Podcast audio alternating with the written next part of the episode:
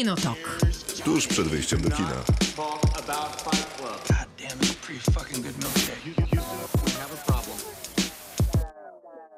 Krzysztof Majewski. Miłosława Bożak. Maciej Stasierski. Dzień dobry, dobry wieczór. Przez najbliższe dwie godziny będziemy zajmować się filmami i serialami. Dzisiaj taki dobry program, że nawet seriale wróciły, bo się Nawet pokończyły. dwa.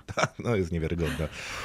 Pół roku nic, a teraz mamy dwa w programie, więc jest dobrze. Jeden się dopiero co pojawił, ten drugi dopiero co się skończył. Więc taką mamy sytuację, o tym będziemy opowiadać i będziemy zapraszać. Zapraszamy też na nasze media społecznościowe.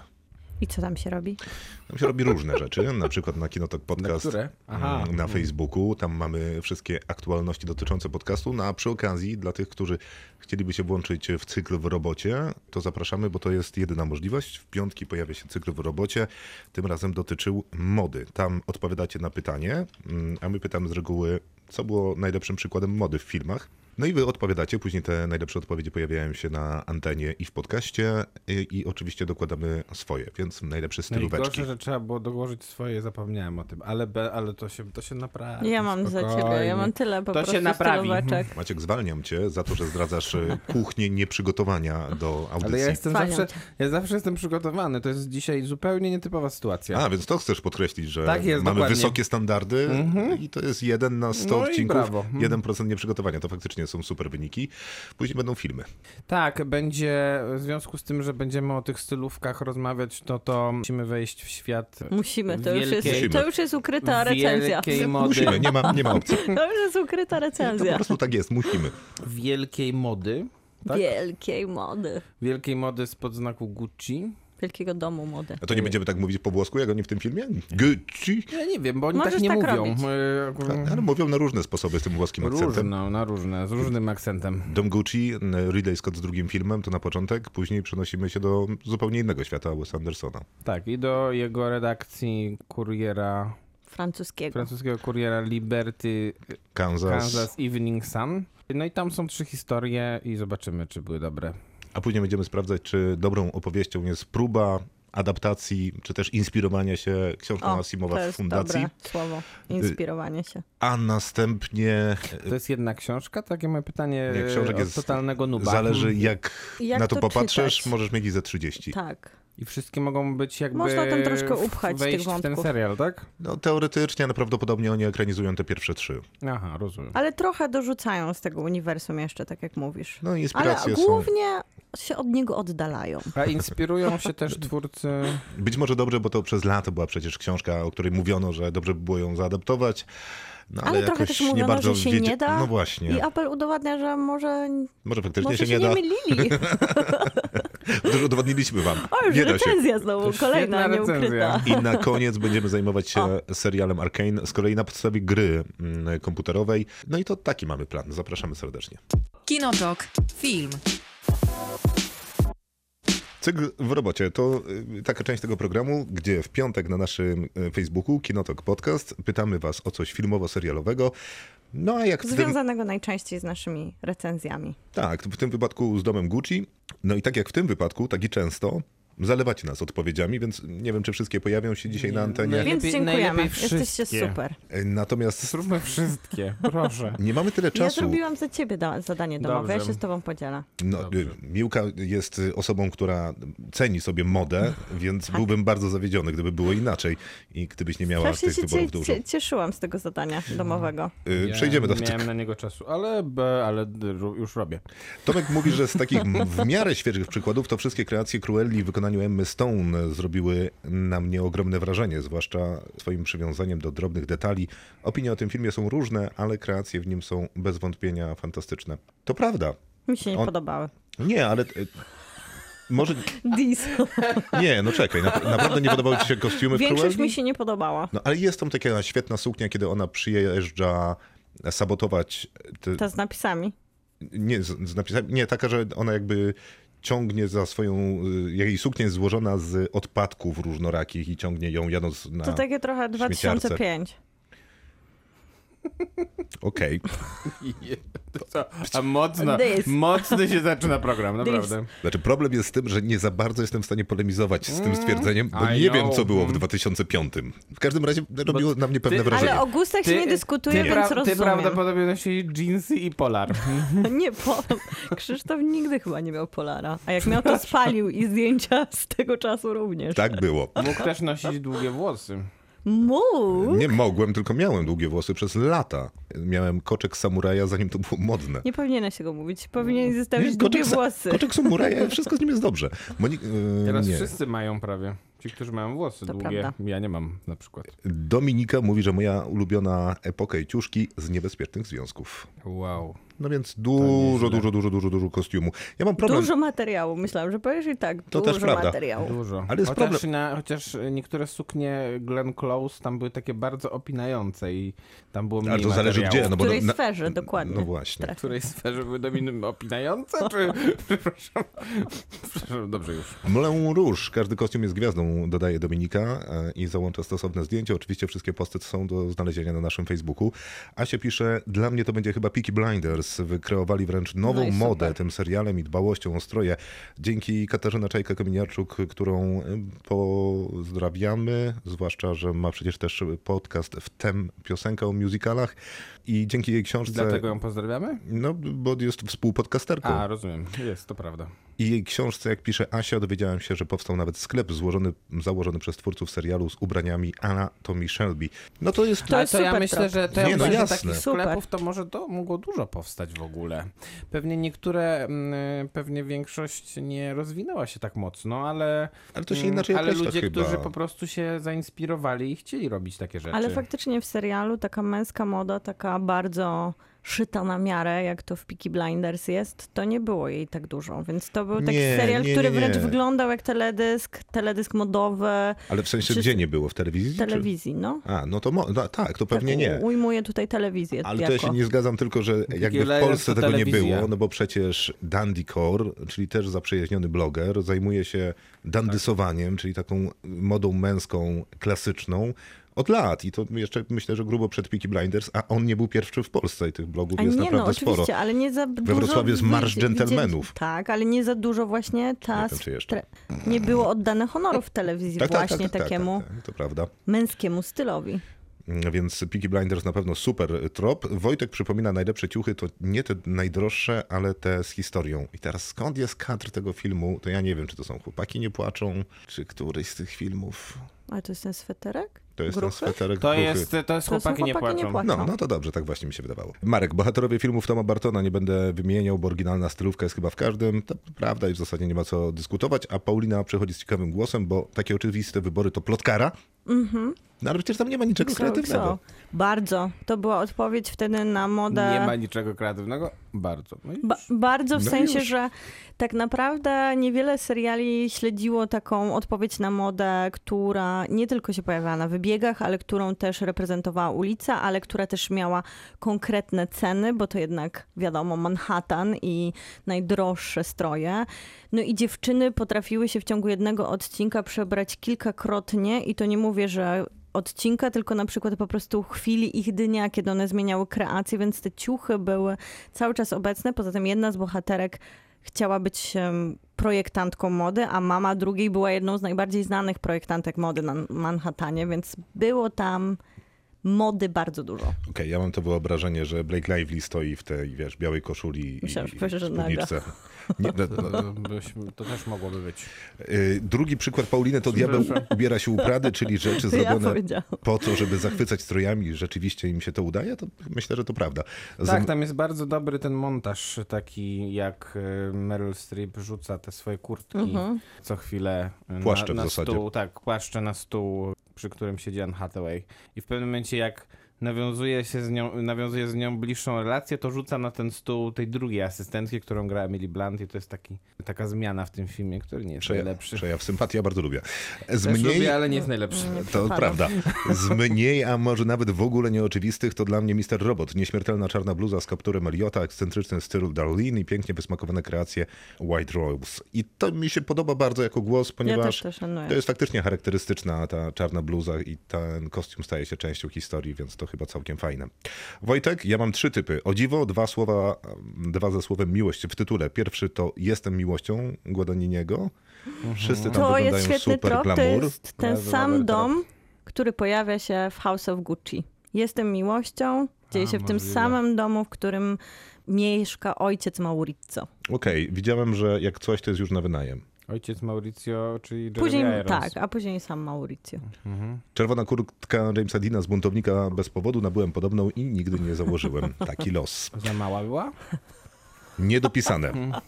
Za odważna Ja może. strasznie wiesz, obrażam taki, chyba taki, wszystkich. ale może też tak, że to artefakt, że kupujesz rozumiem. jak w kinie, a później wcale nie nosisz, bo to nie twój styl, ale chciałeś Tak mieć. też można. Proszę wybaczyć, że skracam głosy, ale czasu mało. Moje ukochane kreacje modowe, pisze Katarzyna, to zdecydowanie Alicja w Krainie Czarów z Johnem Deppem i Heleną Bonham Carter. Dobre A co, są że Helena ma większą głowę? Nie, ale dobre są te kostiumy tam Co przecież. ja dzisiaj robię? Co się dzieje?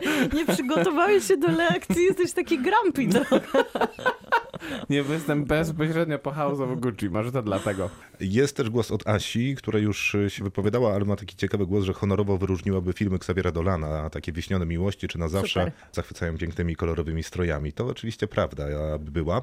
Marek podrzuca y, gangsterów, dresiarzy pod wodzą Colina z Gentlemanów Gaja Ricciego. Wiadomo, Guy doskonały Ritchie ma pomysł. świetnych krawców. To prawda, te Dla dresy każdego, są jednak dla każdego wyjątkowo jest wszystko szyte. eleganckie. Dominik Szasa? I takie kreatywne, bo też na przykład w Król Arturze też były takie Tak, kreatywne tak, te stroje takie tego długie, chociażby. fraki, tak, no. posuwiste, ale jednak jako od angielskiego krawca, chociaż Tak, czasy tak, inne. wiadomo, oczywiście.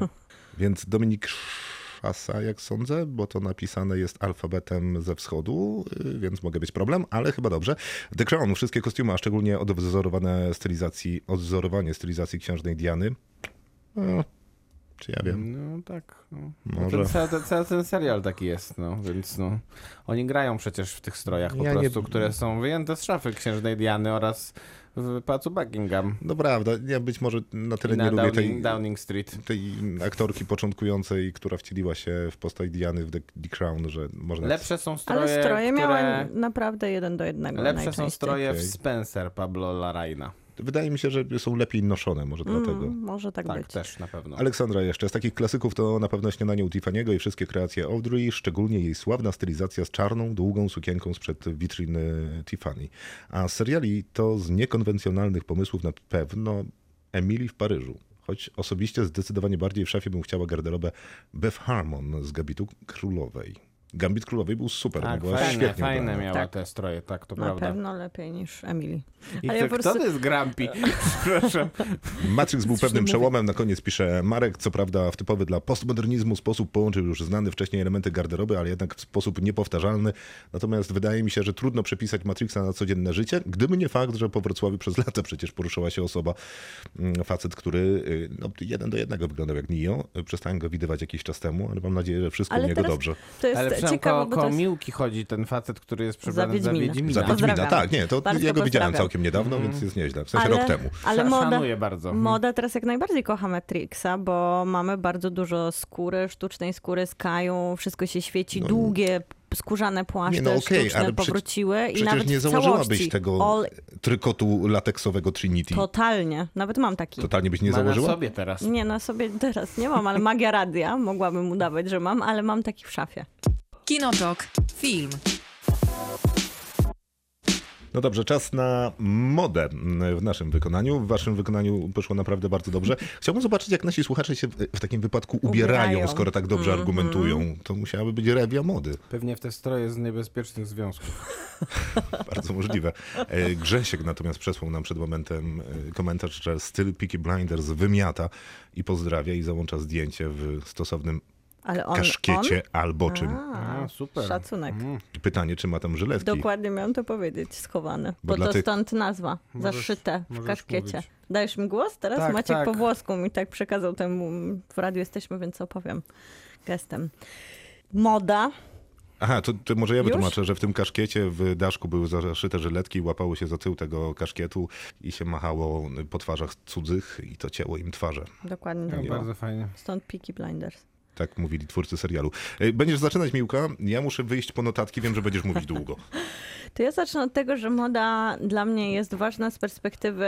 no, Co, co to i już co tutaj za miny No dobrze, mi mów dlaczego jest ważna. Jest- Ale nie, jak, jakby na początku mam takie wybory, które są dla mnie ważne, bo ja bym się tak ubierała. W sensie nie zawsze to są jakieś takie docenianie wielkiego, właśnie jak w niebezpiecznych związkach. Nie wiem, takiego. Takich, co Oscary tak, dostają tak, zawsze. że świetne kostiumy są uszyte, odwzorowanie epoki. To mnie tak do końca nie rusza modowo. Wiadomo, są filmy, w których to się docenia bardziej, bo jest lepiej noszone. Rozumiem, że są- nie ubrałabyś się w strój Nie ubrałabym się, ale nawet Anny z nie marzyłabym o tym, żeby się w niego ubrać.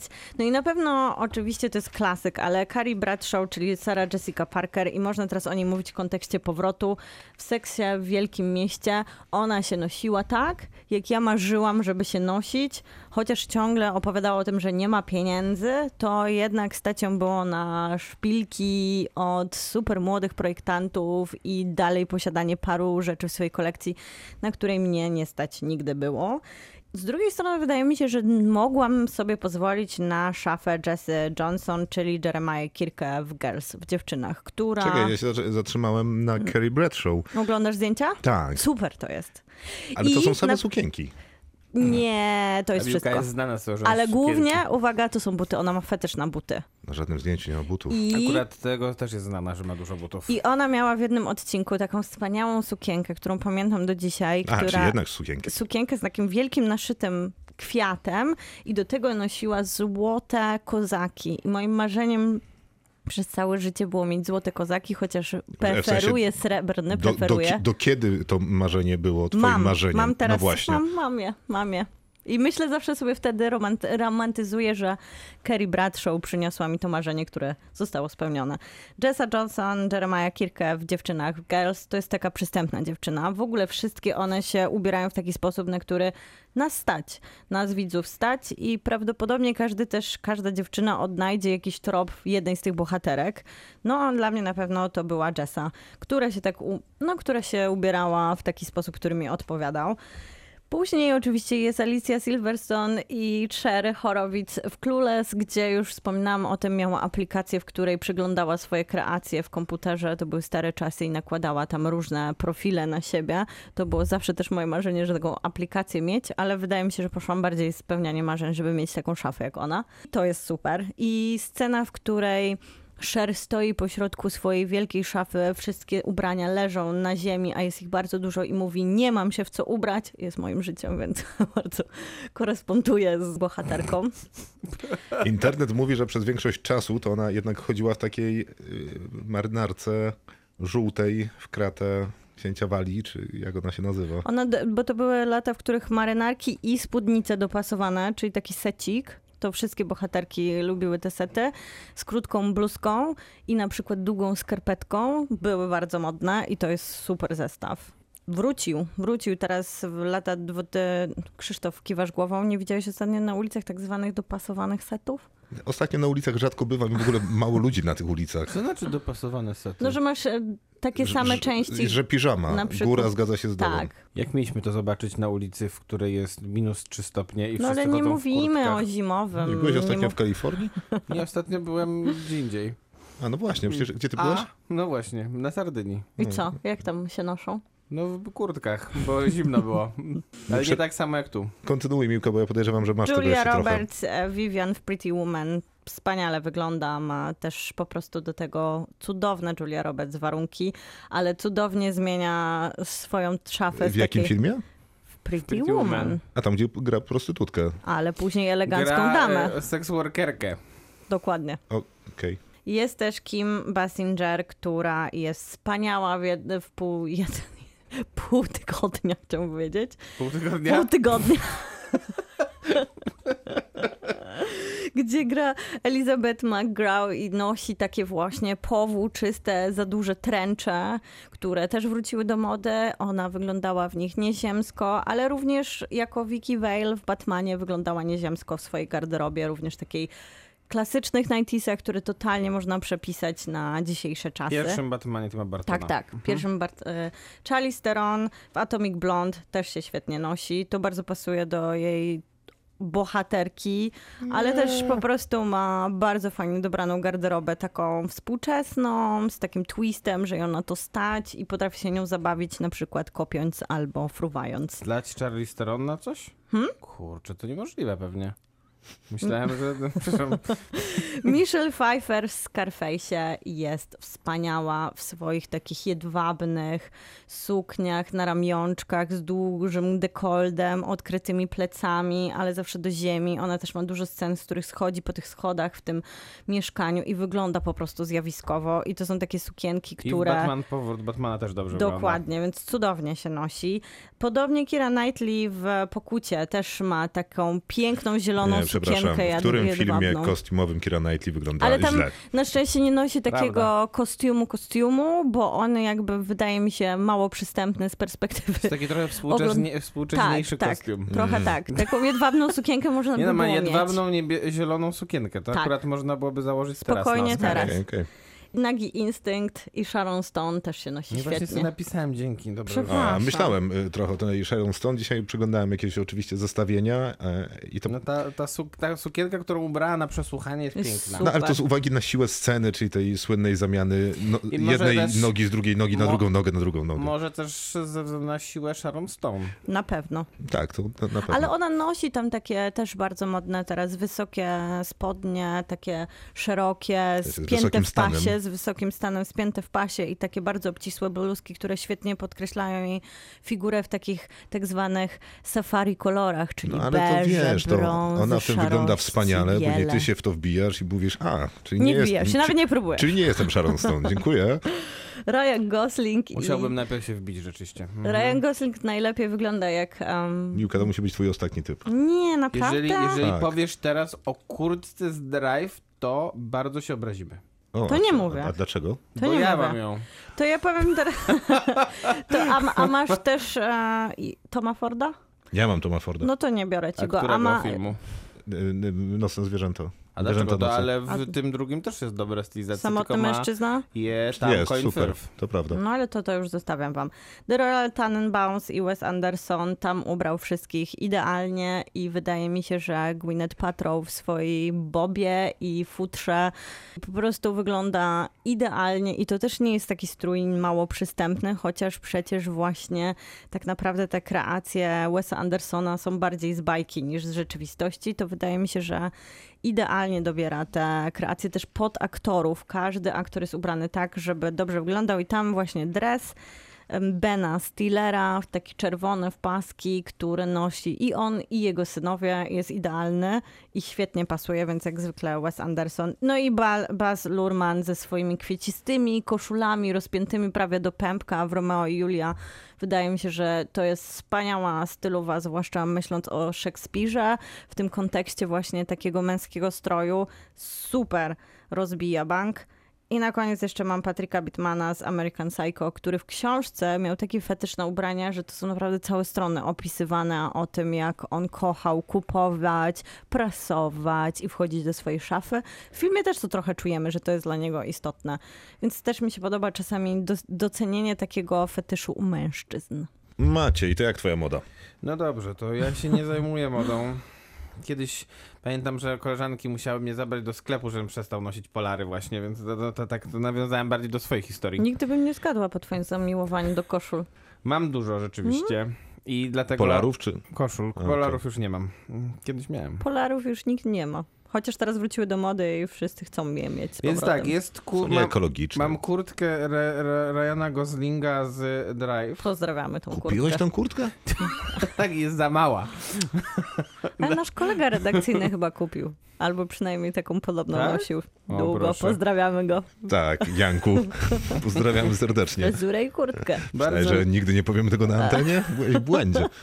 bardzo mi się podobały dla kontrastu, bo tam jeden z głosów dotyczył tych kreacji, które tworzyła Cruella w Cruelli. To mi Mhm. się bardziej podobały kreacje, które tworzyła główna bohaterka w filmie Last Night in Soho. E, myślę, że ten film... Aha, bo to podobny czas jest e, Tak. tej, jakiejś tam kulturowej rewolucji. No tak, i myślę, że ten film jest pod tym względem zdecydowanie bardziej kreatywny i kolorowy, a nie po prostu czarny i czarny. Mhm. Tak to wyglądały jednak te kreacje w sumie, które tworzyła mm, Emma Stone tam. Y, Nawiązując kolei do tego, co mówiła Miłka, to ja też mam e, Kim Basinger, tylko że nie z 8,5 tygodnia, tylko z Tajemnic Los Angeles. Uważam, Białe że suknie. jej biała suknia z tym takim Tak. czep, tym takim kapturem, Trochę E, ale to, bokserskim. to e, zapewniła jej Oscara w ogóle za najlepszą rolę drugoplanową. Może tak być, Bo to jest w generalnie ogóle dosyć nie ma tam za dużo do roboty takiej bardzo aktorskiej, Ale ale, po trzeba prostu się dobrze nosić w tej sukni. No i Mm. właśnie, ona chyba po prostu jako aktorka wszystko dobrze nosi. W większości filmów ona po prostu wygląda nieziemsko, niezależnie od tego, czy właśnie miała na sobie trench. Nie, ale umiejętność noszenia. Beżowy trench. umiejętność noszenia kostiumów to jest w ogóle jakaś istotna część Zdecydowanie. aktorstwa. Tak, na pewno. Bo pamiętam, jak się dyskutowało, e, chwila, to Gary Oldman wcielał się w Churchilla ostatnio, Mhm. nie? w takim fat suicie, czyli Tak, takim tak. kostiumie, który ma nałożone jeszcze te pogrubiające warstwy. No i on się w tym nosił wspaniale. No, Normalnie jakby się urodził, czuł. a trudno się prawdopodobnie porusza w czymś, co waży pewnie z Myślę, że 20 tak. kilo jest najbardziej niewygodną rzeczą, jaką w życiu No to założyłeś. jest chyba jak Kira Knightley, która właśnie potrafi nosić te s- suknie z epoki. Znaczy, Kira Knightley tu mam takie wrażenie, że ona ma trochę taką urodę niewspółczesną, tylko e, z epoki, czy też naszego wyobrażenia o tej epoce, w, która, w której zazwyczaj gra tę rolę. E, I wydaje mi się, że to jej też pomaga bardzo. No i mam jeszcze em, mężczyznę jednego. Jest to e, Jeff Gambardella z Wielkiego Piękna. Tak, tak, to prawda. I tutaj są, tutaj chodzi oczywiście o wszystkie kolory jego marynarek, które nosi. Wzorzastych poszetek. Tak, i poszetek oczywiście, bo no najlepsza jest ta marynarka, która jest taka żółta chyba. Y, Jest taka, jest taka bardzo mocno żółta i szczególnie ta scena, w której, Jak logo Radia Ram. w której, w której on ją prezentuje, która, która jest takim, w, te, w takiej lokalizacji, gdzie jest to światło wpadające przez te okna, no to naprawdę ta scena jest arcydziełem wizualnym, myślę. I Sorrentino przecież w papieżu, też w, zwłaszcza w drugim, jak on ubiera. Tam wszystkich, ale oczywiście głównie papieża. No, No nie tylko, no, y, y, Wszystkich, wszystkich. panią Merkel również. To prawda. Sorrentino też umie takie rzeczy robić. Nawet sobie żartuje z ubierania, To bo przecież tam są Sorrentino. ciągle, Ten sam. ciągle żarty, że dzwoni. Meghan Merkel. Dokładnie. No i to tyle dla mnie. Ode mnie. A, to niewiele. Ja mam trochę. E, W ogóle zaskoczyło mnie i wybaczcie, że nie zadałem wam pytania, czy moda w waszym życiu e, w filmach była ważna. Do ciebie, Miłka, to jest retoryczne pytanie, do ciebie, Maciej, podejrzewam, że... Też retoryczne, tylko w drugim kierunku. Więc Ja się zasko- zaskoczyłem, że jednak parę rzeczy byłem w stanie docenić. Matrix faktycznie był taką rzeczą, pisali o tym e, słuchacze, ale faktycznie był taką rzeczą, która zapisane. była kulturotwórcza, taka, że wychodziła z filmu i ludzie naprawdę chodzili w długich płaszczach do kostek Do skórzanych. chodzą. No ale to myślę, że inspiracje są różne. Wydaje mi się, że prosto po premierze Matrixa Mogą nagle być się niestety nazistowskie. odważniej pojawiły. Mogą być. Nie, nie mogą być. Jest absolutny historyczny Ale to zakaz. też jest ciekawe, bo po latach ten film ogląda się właśnie też w kontekście tej mody bardzo dobrze, bo ona jest bardzo nadal współczesna, w sensie dobrze Tak, tak, się ją tak, nosi stylowa. i oni dalej stylowo wyglądają, dalej trochę chcesz mieć ich rzeczy. No zresztą jak się patrzy na nowe plakaty Matrixa, to oni Nie coś, przestali nosić. coś podobnie Przestali wyglądają. Na- nie przestali się Chociaż nosić. mnie najbardziej podobała się, jeżeli już mówimy o Matrixie, stylówka Niobi. To była ta eks-partnerka Morfeusza i ona w Matrixie pojawia się chyba tylko raz czy dwa, między innymi w drugim, kiedy y, łapią Morfeusza na maskę samochodu. Ona jest tam w takiej bordowej, skórzanej kurtce. No wygląda fantastycznie. W sensie nic zaskakującego, że jest w czymś skórzanym, bo oni tam wszyscy lubią skórę. I w kurtce. No, znaczy to jest może zaskakujące, bo większość ma płaszcze jednak. Ona naprawdę bardzo dobrze tam wyglądała. Może ma krótki płaszcz po prostu. No, specjalista mógłby to pewnie nazwać płaszczem, albo jest to jakiś charakterystyczny styl kurtki. Całkiem niedawno, bo chyba w czasie tych wakacji obejrzałem utalentowanego pana O, mam go na Ripley'a. liście. To jest fantastyczne, jak ubrany jest Jude Law i Matt Damon w takich garniturach, ale takich niby nie To nadzwyczajnych, są letnie ale stroje. Tak, ale niby nie nadzwyczajnych, ale widać w nich jakość materiału, widać, że one są lniane, świetnie są dobrane do tego rzadko noszone koszule, raczej jakiegoś rodzaju polówki.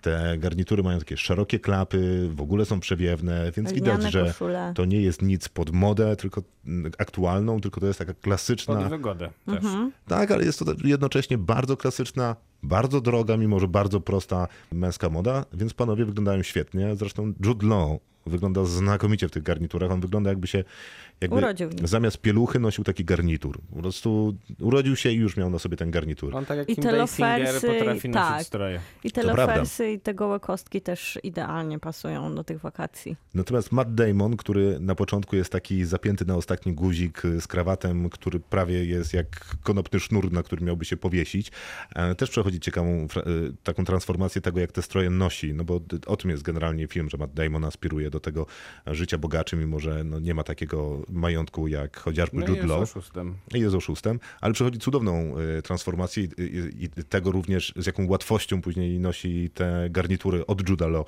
na sobie. Ale to też pokazuje, że drogie garnitury po prostu dobrze się nosi i lepiej się w nich wygląda, bo to tak naprawdę, my wiemy, że oni są bardzo bogaci, tak samo Gwyneth Patrol tam i oni po Ale prostu... Gwyneth Paltrow nie wygląda tak dobrze. Te stroje nie są takie interesujące. Znaczy, d- oczywiście to jest y, absurdalne stwierdzenie, że Gwyneth Paltrow gdzieś dobrze nie wygląda, ale Jest nie robiło i takiego nic. Dużego wrażenia przynajmniej na mnie. No bo te safari na kobietach, jak e, są takie krótkie i proste wakacyjne sukienki, to po prostu są sukienki. Może tak być. Joaquin Phoenix i jego kostiumy w Gladiatorze jako y, Jak twój cesarza. ulubiony film. Y, Tak, jasne, ale w sensie trudno nie docenić tego, jak wyglądają te zbroje, które e, są tak bogato zdobione, że tam w zasadzie są całe historie opowiedziane na napierśniku. Wyglądają super imponująco, już zwłaszcza ta finałowa biała Tak, jak jest zbroja. bez zbroi, to też jest super. No ale to trudno mówić o kostiumie wtedy. Czemu? Jak? Nie w sensie, jak jest. Bo nie zawsze w, w zbroi. Jak jest cesarzem, to też nie jest w zbroi. Okej, zawsze. to prawda. No właśnie, dziękuję. O Okej, okej, okej, okej. Ostatni Mohikanin, całość, e, zarówno... Wow, Co? zaskoczona jestem. Jak? Ostatni Mohikanin po pierwsze jest wspaniałym filmem, 10 na 10, a po drugie mają wspaniałe stroje. Piąty element Luca Bessona za jeden o, kostium, zapomniałem o tym. a mianowicie za Mila Jowowicz w tym takim Ale to nie jest... czymś w białe y, takie szarfy Pasach. w pasach takich Pasach. białych. To jest super kreatywny kostium jednak e, i wygląda znakomicie. W ogóle mam wrażenie, że teraz są modne takie sukienki, które mają takie prześwity w dziwnych miejscach gdzieś Tylko, że to już na jest mostku, mało, gdzieś tam indziej. mało stylowo, bardziej kostium. To już tylko Halloween jakby w opcji wychodzimy w tym gdziekolwiek. Słuchaj, no myślę, że znalazłby się Ja kto, kto odważny, kto by to ubrał. Do pracy. A, a, jeżeli, Pod koszulą. a jeżeli nie taka stylówka, to pewnie znalazłoby się akurat piątym elemencie taka, którą można by było nosić na zewnątrz. Małe kobietki, mm, wielokrotnie mówiliśmy o tych kostiumach, że to są kostiumy z epoki, a wyglądają jak współczesny Nowy Jork. Są bohaterem filmu. Bez wątpienia. Milczenie owiec, zwłaszcza za postać Antonego Hopkinsa, czyli Hannibala Lectera.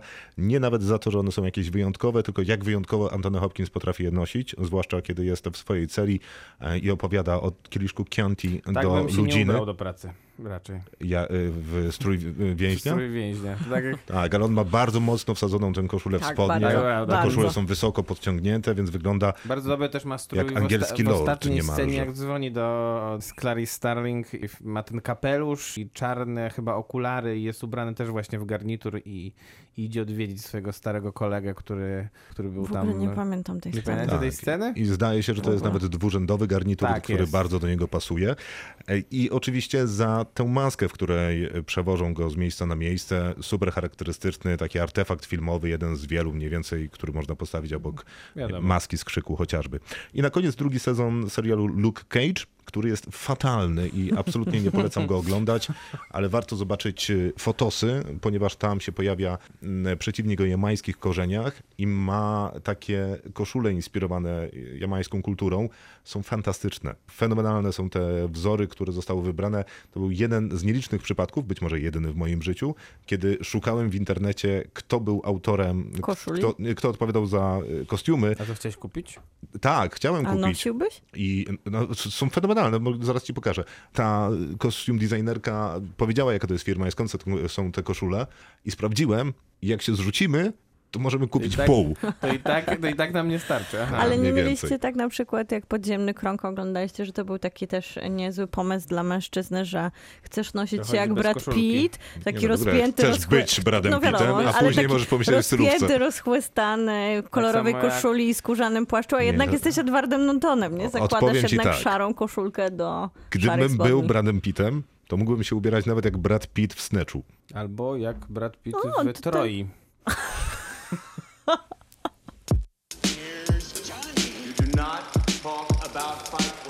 Kinotok. Film. Czas na Dom Gucci w reżyserii Ridleya Scotta w porażającej obsadzie, bo Kugusz tam nie ma. Bardzo mi się podobała promocja tego filmu. Nie wiem, czy zauważyliście, że wymieniali e, Jared Leto, Adam, nie, Jared Leto, Al Pacino, Jeremy Irons, tak, i wszyscy z Oscarem. Adam Driver nominowany do Nagrody Akademii. Lady Gaga. Bieda. Lady Gaga niby z Oscarem, chociaż Ale za piosenkę. ale, No, tak, ale ale jest. jednak. Jest Academy Oscar. Award winner. Biedny Adam Driver. No biedny, biedny, a taki utalentowany. I strasznie pracowity, on jest absolutnie wszędzie. I w Tak. trzech filmach w tym roku. No. I w dwóch Ridleya Scotta. Oba w tym roku. To jest dosyć ciekawe, bo Dom Gucci został wyprodukowany jakoś strasznie szybko. Oni go jeszcze jakoś w tym roku robili. Widać to. robili. Mhm. Więc naprawdę super gaz. Przypominamy, że ten pierwszy film Ridleya Scotta z tego roku to ostatni pojedynek, też z Adamem Driverem. Bardzo interesujący film, moim zdaniem niespełniony do końca, ale waszym chyba było lepiej. Tak, naszym Mi się chyba podobał. lepiej. Tak.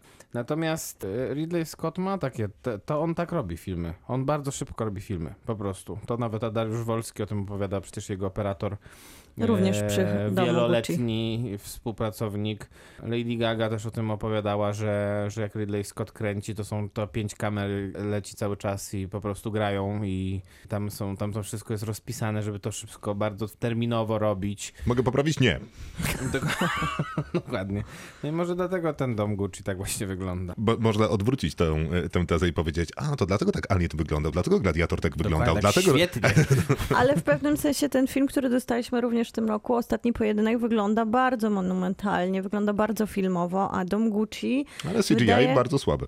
to prawda. No ale, ale tutaj ogóle. nie mamy CGI, więc, y, ale jest y, dla no na mnie pewno ten jakieś film mamy.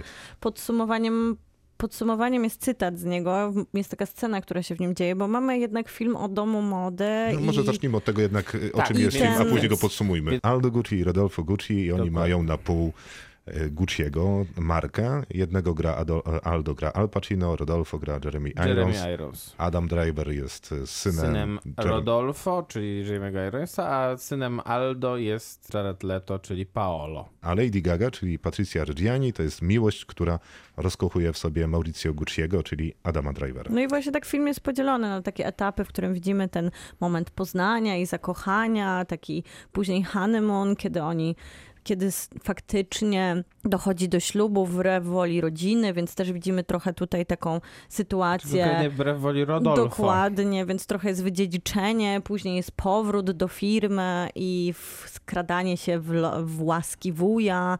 To wszystko też trochę ta Patrycja rozgrywa takie tutaj troszkę sytuacje, gdzie jest walka o władzę, którą wydawało się wcześniej Mauricio nie był zainteresowany. No tak, ten film generalnie nie, nawet nie sugeruje, tylko po prostu mówi tak, mówi e, prostym językiem to, że Patrycja była taką szarą eminencją w tej rodzinie i ona inspirowała Mauricja do podejmowania e, dosyć, dosyć decyzji. radykalnych, z jego nawet punktu widzenia decyzji związanych z przejmowaniem firmy, nie wiem, wywalaniem jednego członka rodziny czy drugiego członka rodziny z niej i przejmowaniem tej firmy w całości.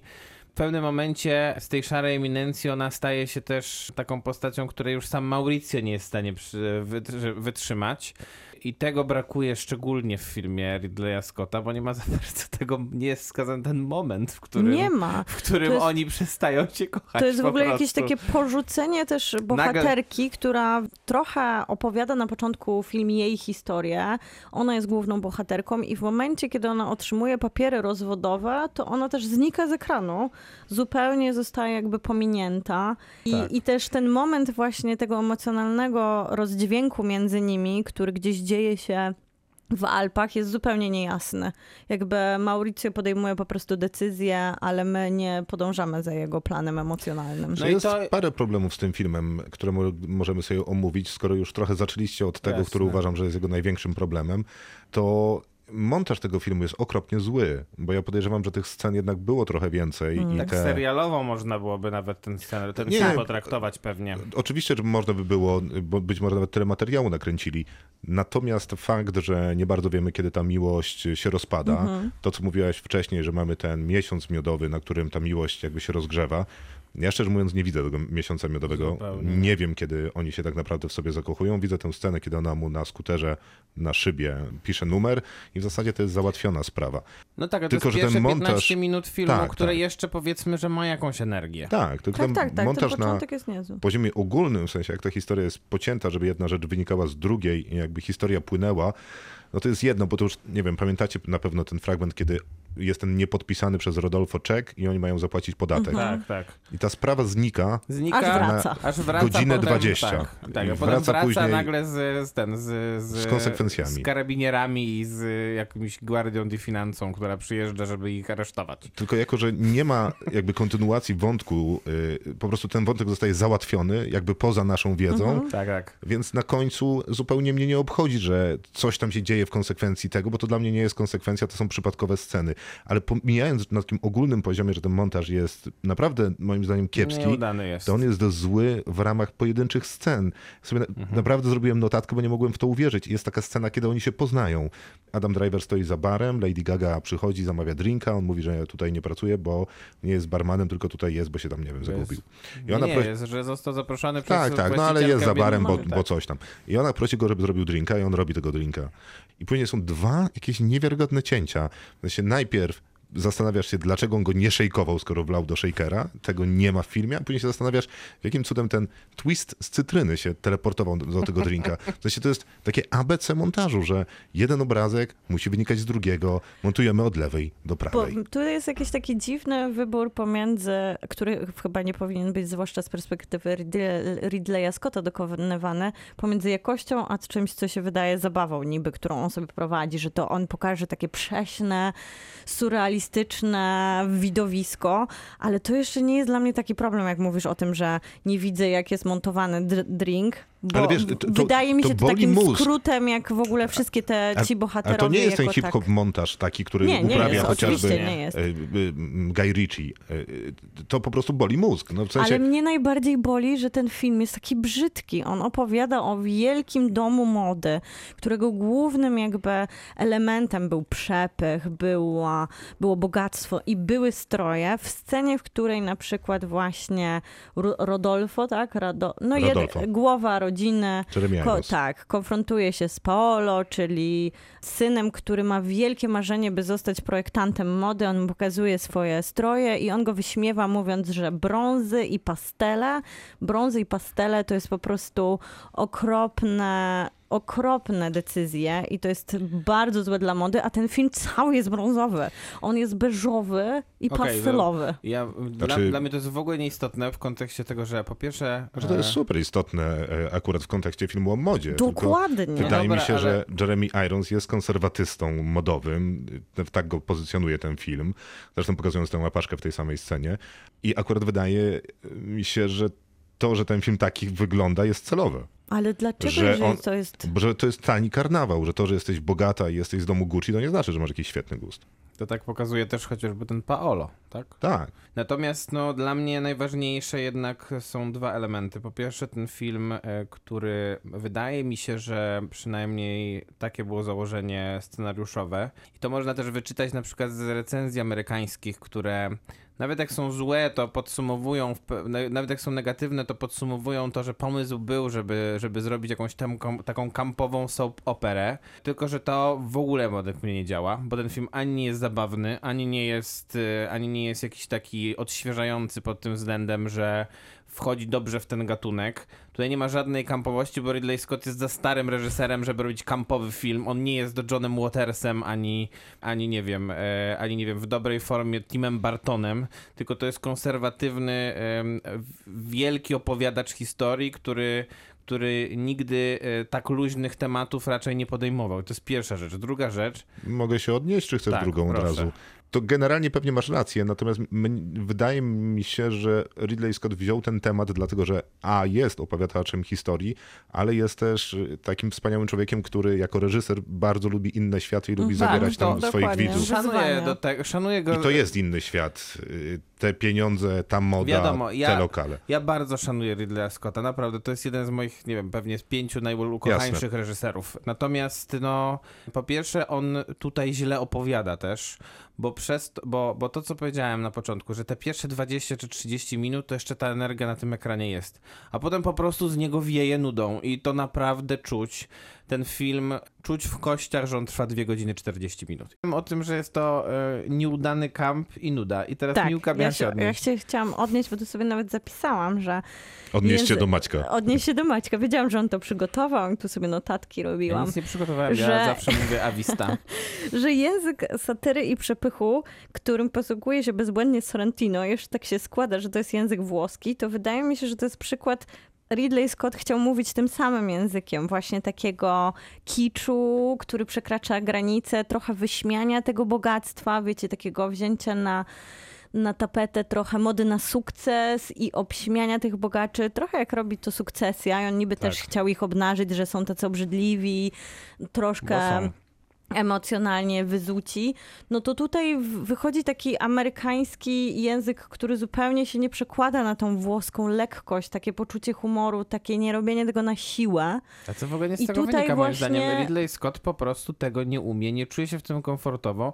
Ale I, on i ma swoje było, przebłyski. I widać było, widać w czym on się czuje komfortowo, nawet w tym roku było widać. Po prostu w, e, w tym ostatnim opowieści. pojedynku, która jest epicką opowieścią rozpisaną jeszcze na trzy bardzo dobre, na trzy bardzo dobrze No historie ale t- i opowiedziane. popatrz, to się nie zgadza. Tutaj też jest materiał na epicką opowieść, ma epickich aktorów. Okej, tylko że tutaj był inny pomysł i ten pomysł po prostu jest nietrafiony prawdopodobnie, albo, albo niedobrze jest trafiony jakby do em, profilu, który reprezentuje sobą Ridley Scott jako reżyser, bo on po prostu takiej rzeczy nie potrafi zrobić. Ja myślę, że on I chciał takie niestety też- Itali- i Italio disco I zrobić. niestety też nie potrafi, i co mnie najbardziej zaskoczyło, dobrze poprowadzić aktorów tutaj.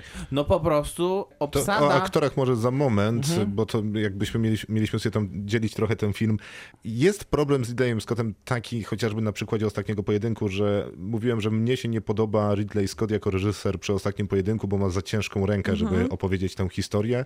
Gdyby ona miała więcej subtelności, mniej burzowego nieba i padającego deszczu i szarości, to ta historia być może by miałaby silniejszy wydźwięk o tej próbie emancypacji kobiety w końcówce średniowiecza.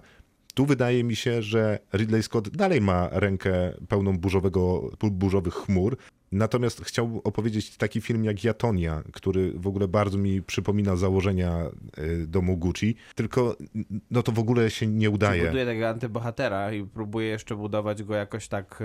No y, i tu i tu jest niuansować. Że, bo, I tam jest próba niuansowania tej Patrycji Reggi- Reggiani, ale Tak. ona się bardzo szybko kończy, przez co mam takie wrażenie, że... On ją Rid- nawet porzuca w pewnym tak, momencie. tak, dokładnie. Po prostu on tak. ją zostawia. I w tym momencie, w którym mógł jej, Scott mógł jej robi, oddać czy... trochę Tak, głosu. na finale bardziej ją po scenariusz? prostu porzuca. Tak, i przez to mam takie wrażenie, że przez ten dublet, który zrobił y, Ridley Scott, brzmi to trochę tak, jakby zrobił film stając po stronie kobiet, a następnie zrobił film o najgorszej kobiecie na Tak, świecie. Tak.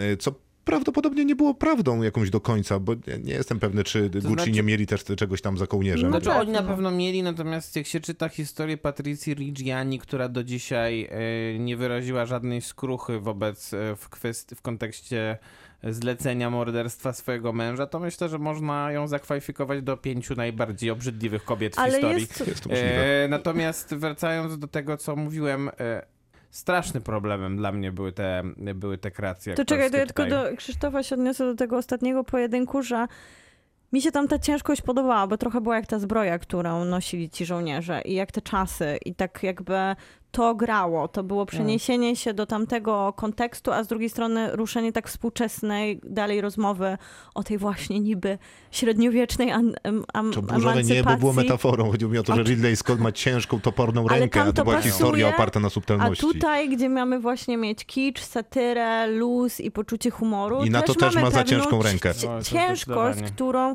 którą wydaje mi się, że aktorzy jednak walczą, bo on z nią Nie, nie, nie walczy. A oni na różne Nie, nie, sposoby starają się Nie, nie, tutaj znaczy, być zabawni. Według mnie e, oni jeszcze bardziej pogrążają ten film i to dlatego z jednego prostego powodu, że jest piątka aktorów, naprawdę wyśmienitych aktorów, tak jak, e, tak jak wspominaliśmy e, wcześniej czy poza anteną, czwórka z nich ma, e, od, Mhm. otrzymywała Oscara za, za, za jedną, za, za, jakąś tam, za jakieś tam osiągnięcie i naprawdę oni pogrążają ten film z tego powodu, że każdy gra w innym filmie. Bo Adam Driver, mówiący z akcentem nie wiadomo z, jakie, z, jakie, z jakiego niemieckiego landu, Bo po wszyscy prostu- aktorzy w tym filmie mówią z tak, włoskim tak, akcentem. z włoskim akcentem. Ale po angielsku. Przechodzi obok filmu, nie, nie dając mu żadnej lekkości. To jest pierwsza rzecz. Druga rzecz, mamy Lady Gaga, która jako jedyna chyba ma jakąkolwiek energię pozytywną i można ewentualnie docenić to, że się starała, chociaż jej akcent to można byłoby pewnie, można byłoby pewnie szukać gdzieś na pograniczu Rumunii i Transylwanii. To E, był żart, który obiegł internet po tym, jak pojawił się Tak. trailer. Trzecia rzecz, a potem mamy te postaci drugoplanowe trzy, czyli Ala Pacino, e, Jeremy'ego Ironsa. No i Jareda Leto, o którym nie, ma, nie, ma, nie można po, poważnie się wypowiadać, jeśli chodzi o ten film. Natomiast no, Jeremy Irons nie to- ma żadnego akcentu. Sobie przyszedł, zaczął mówić tym swoim brytyjskim akcentem. Czasem sobie przypomniał, że jednak nie jest Brytyjczykiem, tylko Włochem, więc może, więc stwierdził, że coś tam powie, a potem i tak umarł. Więc generalnie nie, ma, nie warto rozmawiać o jego postaci. No i Al Pacino, który mam wrażenie, że naprawdę w, przeszedł chyba jakąś ciężką chorobę na planie, bo, bo, bo to, jak bardzo dużo energii było w tym człowieku na początku filmu i jak bardzo jej było mało na końcu, no to e, aż szkoda po prostu marnować talent takich aktorów na ten film. Nie no, ale tutaj można bronić, że Nie, jego no ale tu postać... jest uzasadnienie, dlaczego Dokładnie. miał Jego energię, postać a jednak nie. została odebrana mu całe imperium, został zdradzony przez syna, przez kuzyna, wylądował w więzieniu. To jest- Nie to jest zostaje ci tutaj to jest przestrzeni do bycia... uzasadnienie, dlaczego tak źle to robi. Mm. Nie no, ale to jest Aktor, uzasadnienie... O- Oscarowy aktor, który, który zagrał Michaela Corleone. Ja myślę, że to w ogóle był trochę plan, plan Ridleya Scotta, że oni mieli być tak zagrali źle. różni i mieli po prostu reprezentować z jednej strony właśnie tą taką trochę kiczowatą burleskę, że jest tak śmiesznie, jest satyrycznie, jest trochę jak stand-up i właśnie takim jest Al Pacino, takim rubasznym, Leto tylko i starym dziadkiem. Jared Leto jest takim po prostu jednak nietrafionym bohaterem sukcesji. Nie wiem, jest Nie, takim... nie, no jest, jest sketchem ale, polskiego ale kabaretu. bywa, by, bywa z, wydaje mi się, że bywa dla niektórych zabawne, że to miało być takie coming Wow, reliefem. okej, To nie. On, t- ci aktorzy Czyli są nie trochę jak... się, jak będzie nominowany do Oscara, żeby nie było wątpliwości. Ci aktorzy Nie, są dostanie trochę, to, trochę jak ta muzyka w tym filmie, że mamy to. takie, mamy takie poczucie chaosu, że ta muzyka jest tak samo nagle, czasami pasuje, a Zostańmy nagle przy jest na narzucona. moment. Ale oni są właśnie wszyscy tacy jak ta muzyka, która okej. na nas na, czasami po prostu na nas krzyczy, czasami płynnie gdzieś coś dopowiada. To jest jeden wielki chaos. Mnie Al Pacino się podobał y, w filmie y, najbardziej. Nie wiem, czy mi się jakoś ogólnie podobał, ale jest jakimś jedynym nośnikiem emocji i przechodzi jakąś drogę, co wydaje mi się A zapomniałem, że jest Salma Hayek, przepraszam jeszcze. No ale zupełnie w żadnej roli E, i też takiej dosyć kuriozalnej. Natomiast Al Pacino miał bardzo dobrą energię na początku, później też miał dobrą energię moim zdaniem, natomiast być może odebraną przez konsekwencje tego, co się w filmie wydarzyło.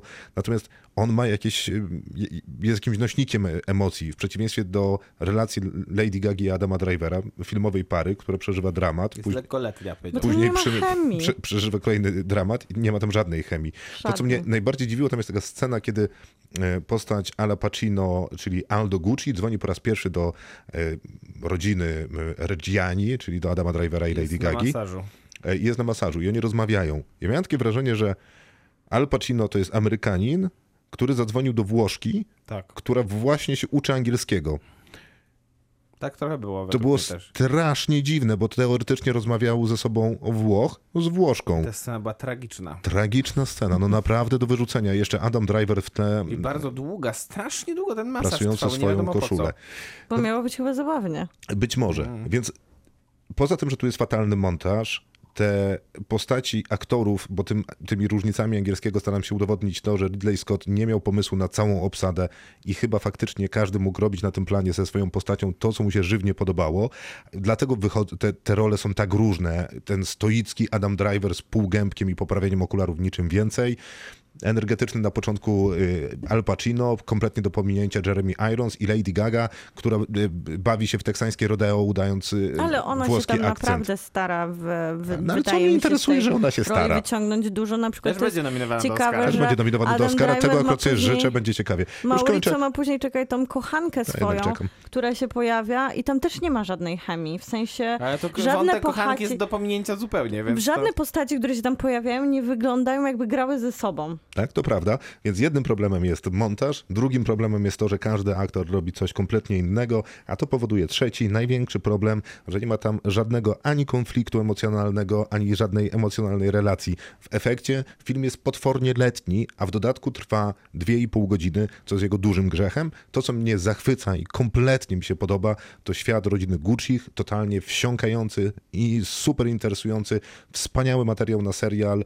Yy, wszystko było dobrze z tym światem i to wydaje mi się, że Ridleyowi Scottowi wyszło najlepiej, ponieważ on jest mistrzem prezentowania obcych światów. Ja bym chciała jeszcze za zaatakować muzykę, która jest tutaj Jest obrzydliwa. obrzydliwa, na poziomie Nie, to jest- wielkiego reżysera, Nie, to- opowiadania ta takiej muzyka jest taka historii. jak w tym filmie z Timothy. Chalamet. To jest Nie. niemożliwe, jak, jak można zrobić film, który tą muzyką operuje w tak żenujący sposób, bo w momentach, w których ona się pojawia, ja odczuwam japoński wstyd. Ona jest nachalna, często po prostu, no i jest to po prostu obrzydliwe, co się dzieje muzycznie. momentami- Trochę ona odpowiada na ten montaż twój, że to się podobnie dzieje. To Nagle prawda. z nienacka Tam jest taka scena, w której. Adam Driver z Lady Gagą wsiadają do łódki i płyną w mgłę. I tam leci muzyka.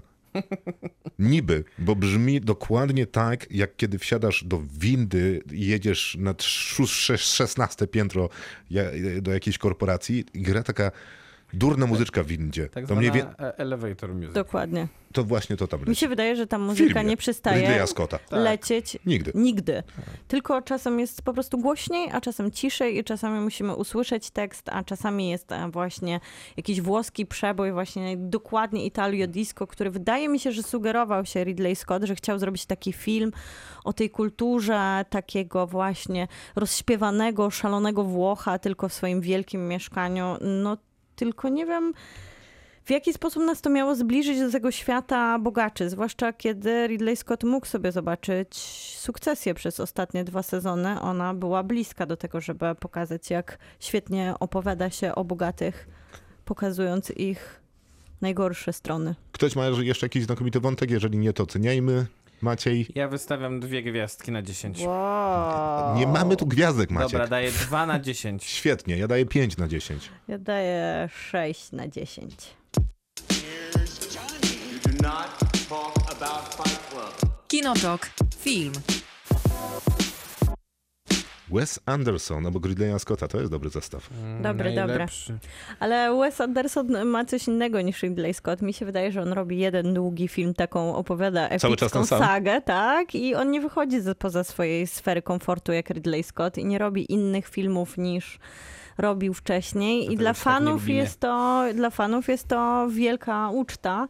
Wydaje mi się, że w ogóle The French Dispatch, czyli francuski kurier, kurier francuski, jest taką... Z Liberty Sun, co? Z Liberty Z Kansas. Kansas Evening Sun. Dokładnie. Dziękuję. Jest taką tak naprawdę takim podsumowaniem wszystkiego, co się wydarzyło w jego filmach. Przez to też, że jest taką antologią i opowiada w trzech rozdziałach. On opowiada o wielkiej miłości Wesa Andersona, jaką jest prasa drukowana, trochę o historii Ameryki, oddaje tutaj O honory historii Francji. i o historii Francji. On oddaje honory Haroldowi Rossowi, który był pierwszym naczelnym i założycielem New Yorkera. Wiele tu się pojawia postaci z popkultury amerykańskiej, pisarzy, eseistów, którzy jakby są takim zlepkiem tego, tych bohaterów, których dostajemy. I Wes Anderson jako, jako taki bardzo autorski reżyser, opowiadacz kina, który wykorzystuje bardzo charakterystyczne narzędzia i zawsze je wykorzystuje. Taką trochę pudełkową opowieść, jakbyśmy otwierali książkę dla dzieci z mojego dzieciństwa, gdzie były pierwsze 3D i otwiera się przed nami takie miasteczko, kiedy ją Te książki otwieramy. znowu są modne, więc... No i właśnie, jak Wes Anderson, który też nie przestał być modny z tą swoją opowieścią. No i jest taki quasi animowany w tym, jak formalnie film wygląda. I tutaj też używa języka animacji, którego używał też często tworząc odrębne filmy animowane, którym pokazywał, jak wiele ma miłości do z jednej strony właśnie budowania tych światów, operowania kolorem, operowania też bardzo często tymi samymi aktorami, z którymi współpracuje od lat i też ma lekkość w zapraszaniu na swój plan same gwiazdy, które tutaj grają nawet takie mini role po prostu w tle. Ale co jest najważniejsze dla mnie jako wielkiej fanki Wesa Andersona, to on tym językiem opowiada zwykle smutne historie i oddaje hołd samotności w obcowaniu, trochę temu, że media zawsze były tym czy to gazety, czy radio, czy telewizja były zawsze tym elementem, który jest w stanie zagłuszyć naszą samotność. On tutaj pokazuje wiele takich wyobcowanych, samotnych bohaterów, którzy językiem mediów nauczyli się jakby, te, no, oni by może i bronili tą samotność, ale to jest też do szpiku kości taki bardzo wrażliwy film, chociaż jego elementy wydają się takie radosne. Maciek. Jest to przerażająco nudny film. E, ja y, nie należę do fanów Wes Andersona. Wiele razy to podkreślałem. Ale jesteś w stanie się un- unieść ponad to, że nie jesteś fanem Jestem jakoś... w stanie się unieść, bo na przykład bardzo lubię Grand Budapest Hotel. Mhm. To jest Wes Anderson w stanie czystym. Tak, tylko, Tak. Że, tylko że tam e, chociaż Wes Anderson wie, że jakąś historię opowiada, tutaj mam wrażenie, że przez to, że dzieli film na trzy, na trzy e, podrozdziały, to nie opowiada żadnej historii za bardzo, bo żaden z tych, bo żaden z tych podrozdziałów nie jest w stanie się zrealizować w pełni. I przez to dostajemy, e, można było powiedzieć, coś, coś takiego, co bym określił mianem e, przerostu formy nad brakiem treści. E, I e, piękna jest to forma, naprawdę powinien dostać wszystkie Oscary ten film za zdjęcie. Poczekaj. E, bo powinien dostać wszystkie Oscary, nie wiem, za zdjęcia, scenografię, za kostiumy, za muzykę Aleksandra Desplata mógłby dostawać Aleksander pewnie, Desplat to zawsze może dostawać Oscara. pewnie, pewnie Dokładnie. wszystkie nagrody.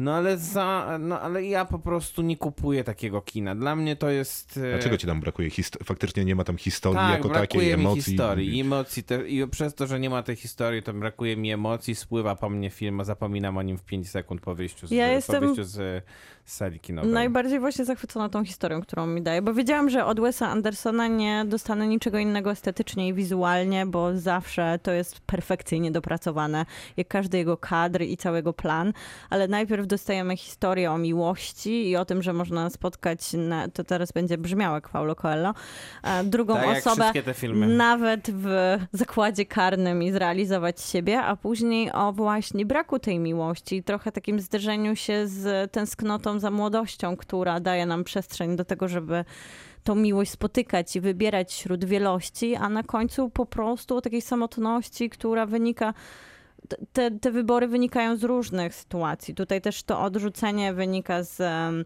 kwestii preferencji seksualnych i bycia po prostu z innego świata, ale każda ta historia właśnie łączy się w, wokół samotności i poszukiwania bliskości, a tak naprawdę ten element em, prasy i wielkiego hołdu do tego, że ona do takiego romantyzowania tego, jak wyglądała kiedyś redakcja, jest tylko narzędziem, żeby opowiedzieć swoją historię. No tak z tej perspektywy to o czym był Grand Budapest Hotel? O przyjaźni. No Też myślę, to był taki... przyjaźni, No właśnie. o poszukiwaniu właśnie jakiejś swojej drogi życiowej, a przy okazji no Grand Budapest Hotel w przeciwieństwie do tego filmu e, co ja, no nie wiem, mo, może to jest jakaś moja preferencja po prostu, miał chociaż, miał chociaż zalążek jakiejś linearnej fabuły, Mhm. a tutaj e, nawet tego zalążku nie ma. Po prostu dostajemy jakieś takie odpryski z historii pierwszej o tym, e, o tym więźniu, historii drugiej o która jest inspirowana protestami studenckimi we Francji i też wykorzystuje je w sposób taki super, super jakby, jak to się mówi, e, populistyczny, żeby, żeby nie opowiedzieć niczego, a tak naprawdę wykorzystać tylko wydarzenie, żeby, żeby, stworzyć, żeby stworzyć wizję, jak to pięknie Jak to wyglądało. napowiada o Błagam. młodości, która jest naiwna o młodości naiwna. No to każdy Trochę mi film się wydaje, może że- opowiadać o tym. Że ten film jest idealny, żeby pokazać, że fanostwo jest zachwycone, a wszyscy, którzy tak mieli różny stosunek do filmów e, Wes Andersona, zwłaszcza wydaje mi się, że najczęściej to jest tak, lubię Grand Budapest Hotel, a zresztą to mam problem, to można przeczytać po recenzjach, że ci, którzy szukali tego Wes Andersona takiego jak Royal Tenenbaums, jak te właśnie takie historie smutno-romantyczne w tej klasycznej wizji, którą buduje reż- reżyser estetycznie, no to tutaj się odnajdą. A faktycznie wydaje mi się, że on tu już przekracza granicę, w której musi się starać dla kogokolwiek innego. On już opowiada bardzo takie hermetyczne historie, bardzo jego. I trochę Nie, selekcjonuje znaczy, przez to już się widownię. niech, już się niech, ja, na pewno już żadnego filmu Wesa No, Andersona bo- nie obejrzę, bo po prostu nie ma dla mnie sensu, jeżeli, jeżeli Wes Anderson opowiada, dla mnie, opowiada teoretycznie jakąś historię, chociaż ja jej nie widzę, ale jeżeli nawet ona tam jest, no to jest taka sama jak we wszystkich jego filmach, e, poza tym, tym jednym, który, który, chociaż, który chociaż zbudował mi jakieś postaci. No więc no, y, dla mnie, dla mnie jest bezcelowe oglądanie takiego kina, po prostu. No, ja, ja No rozumiem... ale możesz powiedzieć, że przynajmniej Ładny film, właśnie pięknie wygląda, rozrywka. piękna muzyczka, nawet, nawet troszeczkę nóżką tam ruszałem, jak, jak słuchałem muzyczki De, Desplata. Mogę, Jeżeli- można posłuchać na Spotify. Jeżeli ktokolwiek lubi Wesa Andersona, to wyjdzie zachwycony z tego filmu. Jeżeli ktoś e, tę rzeczywistość i ten język też opowiadania historii ma z nim różnie, no to na pewno tutaj Wes Anderson Let's say, że robi, wy, w- naprawdę robi lekcję z Wesa Andersona. Będzie 5 się... na 10. O, 9 na 10.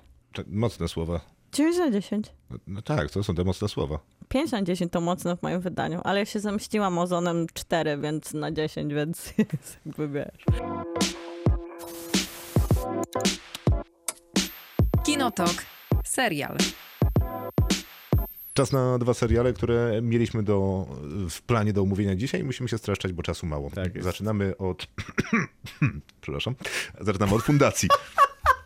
To była recenzja, dziękujemy. To chrząknięcie nie ma nic wspólnego z moją opinią na temat tego serialu. Adaptowanego z słynnej Fundacji Asimowa, słynnej 30-tomowej, 3-tomowej, 6-tomowej. Będziemy mówić o 3-tomowej, no bo chociażby ta została nagrodzona elitarną nagrodą Hugo Award. Słynnej też e, z tego powodu, o którym mówiliśmy na początku naszego wejścia, na początku programu, że zakładano, że nie da się tego A, no tak. sfilmować, że jest to opowieść zbyt epicka, zbyt ona jeszcze ma taką, sama, sama fundacja literacka tak naprawdę opowiada o wiekach i wiekach i transformacjach i to jest bardzo No to może dobrze, że duża... na serial spróbowano to zaadaptować. No na pewno nie było innego Sam wybór wyjścia. jest super.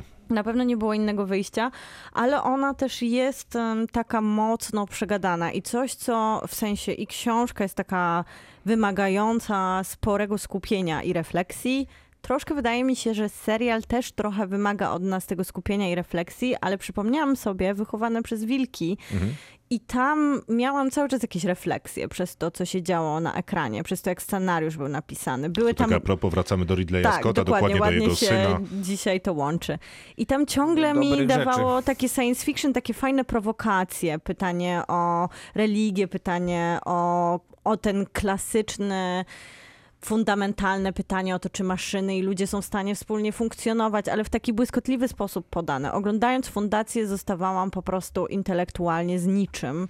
A no to widzisz, to, to jest dosyć interesujące, bo mam wrażenie, że jednak Ridley Scott w wszystkich swoich filmach science fiction odpowiada wiecznie na to samo pytanie, czyli w zasadzie o to, na co odpowiada większość science fiction, czyli czy roboty mają świadomość, co znaczy, że roboty mają świadomość, a co jeżeli roboty urodzą nową ludzkość, co Tak, roboty co coś będzie, tam. Co będzie? Natomiast fundacja jest o tyle interesująca, tak samo jak Duna jest z tych samych powodów, jeżeli chodzi o samą literacką wartość i koncept, który proponuje, dlatego że jedna i druga produkcja idzie o krok dalej. Roboty są już za nami. Rozwiązaliśmy problem robotów, jesteśmy tysiąc lat do przodu. Robotyka, Znowu będziemy musieli walczyć z ludzkością. i mamy inne, sensie. mamy inne rodzaje rozwoju. Nie? Tak Mhm. jak w Dune nie mamy komputerów, bo tam jesteśmy po jakimś dekretach i wojnach robotów i mamy tych z, biał- z bielmem na oczach, którzy liczą zamiast nas i dlatego musimy zbierać przyprawę, żeby nawigować po galaktyce. Mhm. Tak w fundacji też nie mamy robotów, mamy genialnych matematyków, którzy liczą no tam niejako ręcznie y, tę rzeczywistość. Jedna i druga propozycja wydaje mi się super inspirująca do przemyśleń, Ale a także na jest poziomie- takim dużym filmowo-serialowym krokiem Ale to w jakiejś takiej ogólnej narracji wątków tematycznych dla science fiction, zwłaszcza, że współczesny świat, mam wrażenie, dotarł już do tego, do tej granicy początkowej robotyki jako takiej. I to pełna zgoda, ale na tym poziomie literackim ona nam zostawia właśnie z takim świetnym tropem, jak ważna jest przyszłość, jak matematyka, ale to taka matematyka nie wprost, bo właśnie emocjonalna, ale na dużej, li, liczbowym przykładzie, ale też te jednostki tutaj właśnie serial to wykorzystał, mogą mieć jakiś wpływ na historię. tylko że serial w żaden sposób nie skupia się na tej, na tej ciekawej perspektywie przyszłości, która ma świadomość swojego upadku. On się skupia na zupełnych bzdurach, a nie, no, najczęściej robi to nudnie. Głównie to chyba przynajmniej w tym, w tym zakresie, w którym udało mi się obejrzeć ten serial, to skupia się na tym, że e, tworzy się jakiś taki konflikt dziwny, którego trochę nie zrozumiałem. Mianowicie konflikt pomiędzy tymi imperatorami, czy tym całym imperium, a tymi matematykami, bo. Bo, bo to imperium po prostu myśli, że jest zagrożone Okej, przez, his- przez działania tych matematyków. Historia jest taka, że jest genialny matematyk, który nazywa się Harry Seldon, który przewiduje upadek imperium. To jest imperium, które To zamiast zrozumiałem. 20, nie tłumaczę tobie, tylko ewentualnie tym, którzy jeszcze nie znają y, tej historii. 20 milionów zamieszkałych światów, jedno imperium, imperium trzyma but nad wszystkimi. To jest genetyczne imperium, co mam nadzieję, że jeszcze omówimy, czyli mamy trzy wersje tej samej osoby. Jedna umiera, następna zostaje tym starszym, dobra, może później. Przychodzi Harry Seldon i mówi: Słuchajcie, mój model matematyczny mówi, że za x lat to imperium upadnie.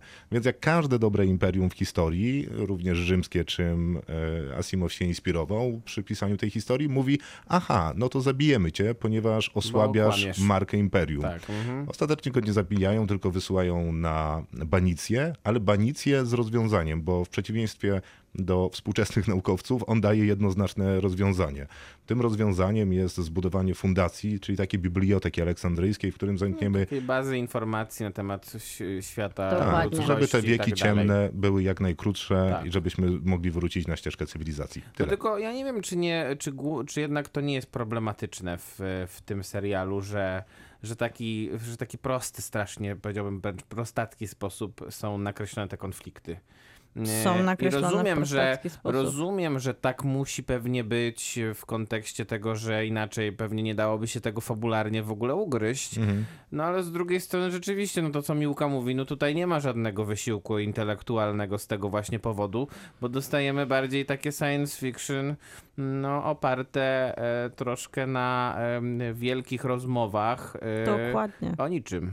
U- To takich- prawda, że te wielkie rozmowy, które oni wygłaszają, te filozoficzne myśli są momentami dosyć płaskie i człowiek z pewnym zdziwieniem patrzy na to, o czym ci ludzie rozmawiają. Natomiast ilość upchniętych, jakby interesujących, inspirujących y, wątków, ciekawych rozwiązań, chociażby ten triumvirat genetyczny, to, że jedna osoba od tysięcy lat rządzi galaktyką, a po prostu w kolejnych iteracjach swojego własnego klona, to, że to jest triumvirat tej samej osoby, ciekawe młodej, tej dojrzałej i starszej, i każda ma inną rolę do spełnienia. To, że ewentualny zamach stanu jest przeprowadzony przez kradzież kodu DNA i hodowanie w cudzysłowie kolejnego imperatora.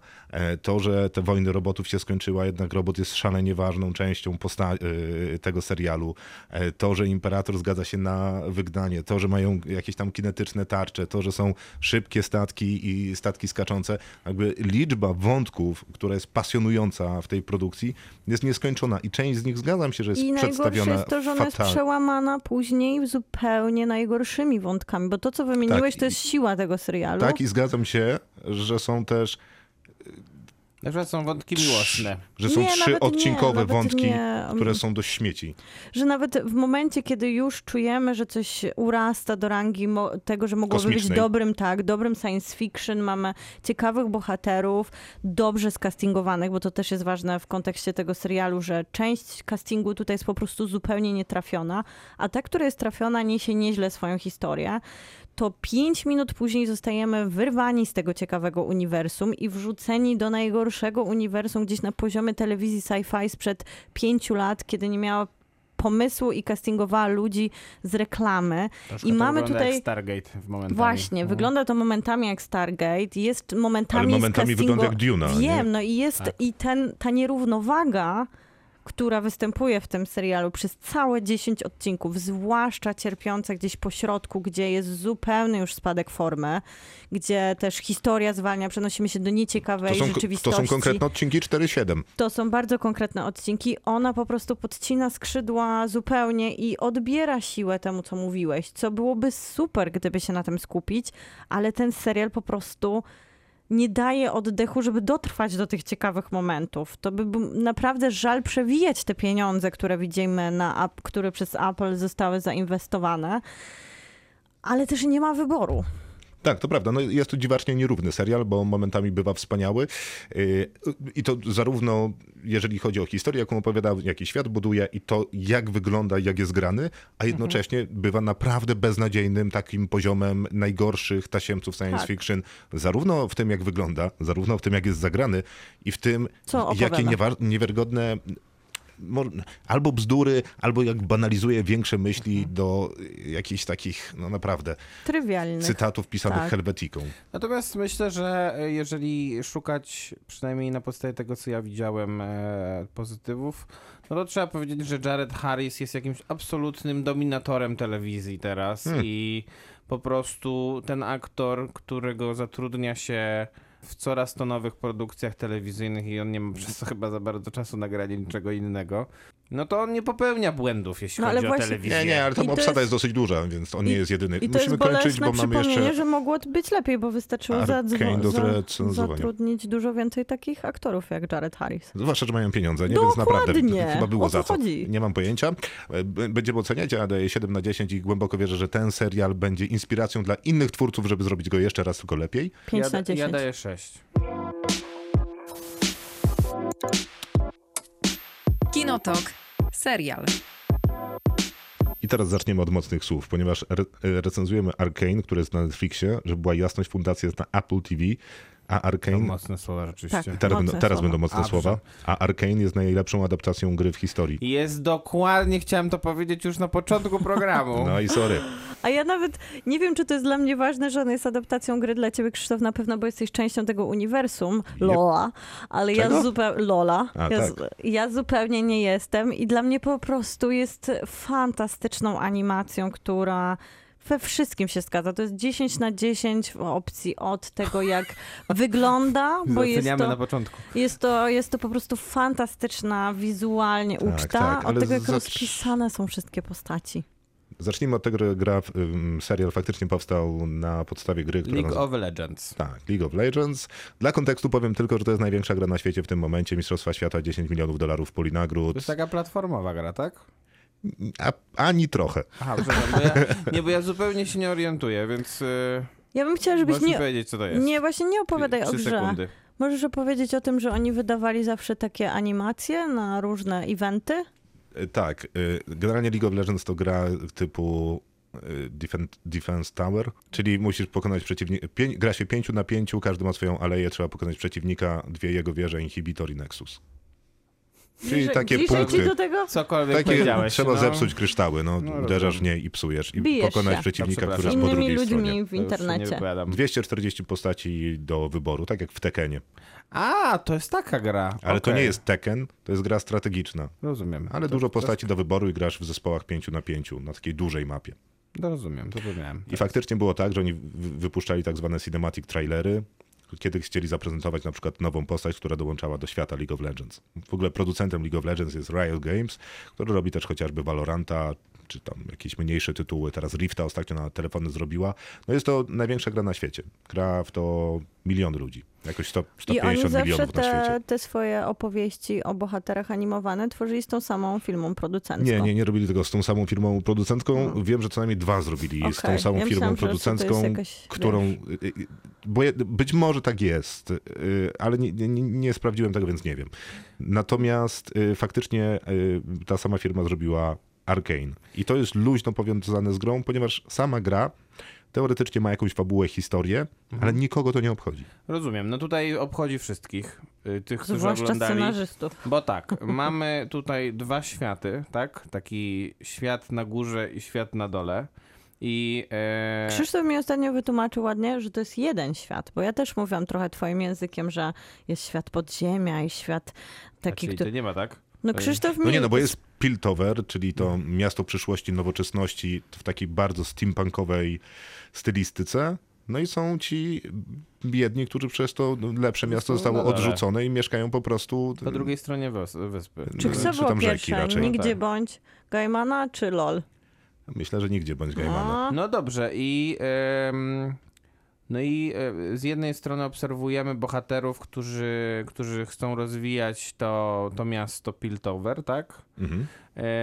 Jest tam, jest tam e, jakaś rada, która, taka, która, która, którzy, która podejmuje decyzje. To jest takie, nie wiem, ciało pewnie zarządzające, a z drugiej strony Tak, mamy... no właśnie Rada Miasta. Mamy ją też we Wrocławiu. Dobrze. Rada Miasta we Wrocławiu ma takie uprawnienia jak ta w Piltover? Wolałbym, żeby nie miała. No jest polityka a, na a na dole, wysokim- A na dole mamy, mamy tak naprawdę tak naprawdę wolną Amerykankę, którą, w której raz na jakiś czas wy, wy, wychodzi jakiś taki człowiek, który, który e, pewnie na podstawie swojej charyzmy i kontaktów e, przejmuje pewnego rodzaju kontrolę nad tymi ludźmi. No takim miastem przedstępczym, które Tak. się tam znajduje. Ale tak naprawdę wydaje mi się, że osią jest ta historia dwóch sióstr, które najpierw oglądamy, bo też trzeba powiedzieć, że Arkane teraz można już zobaczyć w całości, ale była wypuszczana w takim dosyć ciekawym trybie jak dla Netflixa, trzy odcinki, trzy razy. I ta pierwsza opowieść się skupiała na tych młodszych, na dzieciństwie tych sióstr, kiedy są bardzo blisko, właśnie zostały osierocone przez wojnę między tym jednym a drugim światem i starają sobie jakoś radzić tej brutalnej rzeczywistości. W tej drugiej części one zostają rozdzielone i tak naprawdę trafiają do dwóch różnych światów i dzielą je zupełnie inne ideały, no aż następuje finał, też taki emocjonalny finał, kiedy one już doroślejsze muszą się zmierzyć z tą tęsknotą, z No tymi tak, ale to myślę, że jednak mało powiedziałaś, bo tak, bo jest tutaj też e, jest tutaj też wątek jakiejś takiej materii, która ma chyba rozwijać e, ja co, patrzysz na mnie, jakbym mówił jakieś takie bzdury totalne i... W ogóle, W ogóle? na ciebie nie patrzę, chciałbym zaznaczyć. Okej, no e, Ale ta materia, o której mówisz, nazywa się Hextech. tak, właśnie. I ona ma doprowadzić do jeszcze większego przyspieszenia rozwoju tego, tego miasta. Tak, I- tylko że to miasto jest takie super naukowe i nowoczesne, e, ale gardzi magią. A ten Hextech jest, jest magicznym kryształem i oni Mhm. chcą ujarzmić magię. Ujarzmić magię, tak. Przed czym się bronią, ponieważ uważają to za nie, niebezpieczne i trudne do kontrolowania. A na dole z kolei następ, e, mamy dużo, mamy, mamy e, przemyt i handel czymś, co się nazywa miot, tak? Dobrze? Migot. Migot, przepraszam. E, Czyli, czyli taka jakaś, jakaś taka Substancja wzmacniająca. substancja, która wzmacnia do tego stopnia, że, że traci się chyba trochę swoją świadomość nawet, tak? Ja nie wiem, nie brałem. No mamy to, wydaje mi się, że w ogóle opowiadanie tej się jak fabuły... debil.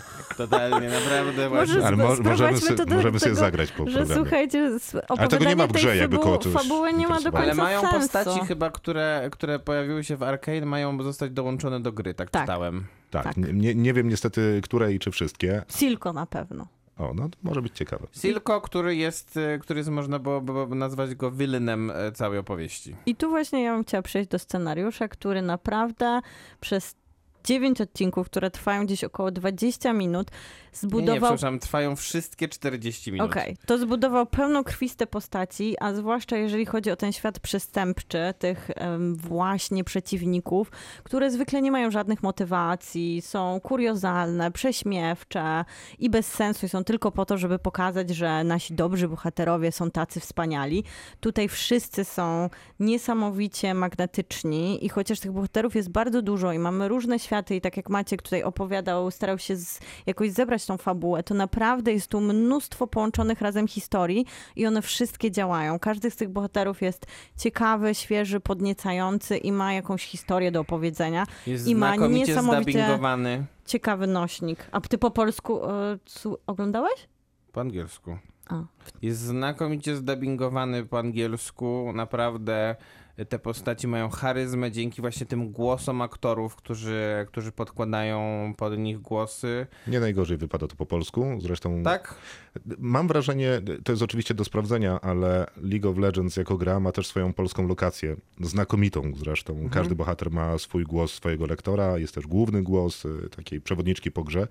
Też znakomita zresztą lektorka. E, I wydaje mi się, że te postaci, które pojawiają się z gry w serialu, to są te O, osoby, które dubbingują Aha, no to też dobrze w grze te że konsekwentnie to jest też zachowane, nie? Więc, więc e, charyzma tych postaci, te historie ich jest tak dużo, że można byłoby się strasznie w nich pogubić, a przez to, że to jest tak sprawnie napisane i zre, zre, wyreżyserowane, to, to każda z tych historii właściwie ma e, bardzo duży ładunek emocjonalny.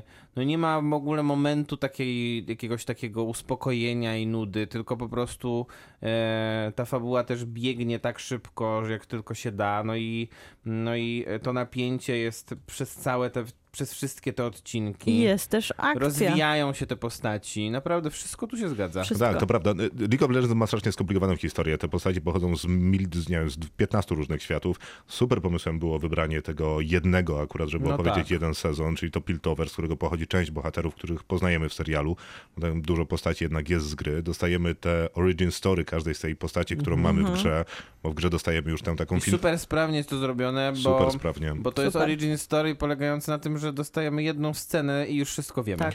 To prawda, no tylko, że, no, no, ale one trwają jednak dłużej, nie? Wiadomo, bo jakby finalnie dostajesz w grze to- tę waj już jest- tymi tak. wielkimi rękawicami. No tak, ale to nie jest jednak Marvel, gdzie trzeba każdy, każdego, każdemu bohaterowi origin osobny film. film. Tak, właśnie. Tak, i to robi super wrażenie. Jednocześnie wymaga dużej odwagi, bo to jest jednak 150 milionów graczy na całym świecie, którzy mają bardzo określoną wizję swoich bohaterów Ja i bardzo wszyscy się zachwycają tym serialem. No bo Tak, się nie bardzo nie, nie określoną wizję y, świata w grze, w jaką grają i prawdopodobnie darzą go ją dużą sympatią. Sceny. I ta odwaga z zaproponowaniem nowych postaci, których często jest znacznie więcej niż tych postaci z gier, jest wyborem świetnym z perspektywy fabularnego y, rozwiązania, a No tak, ale jednocześnie... super ryzykownym jednak. Tak, ale jednak wydaje mi się, że tego fanserwisu jest tutaj bardzo dużo. I Na jeszcze pewno musiał jest- być, tylko że jest jednak super ryzykownym z tego powodu, który, na który wskazałem. To znaczy uważam, że jeżeli tych postaci byłoby za dużo, albo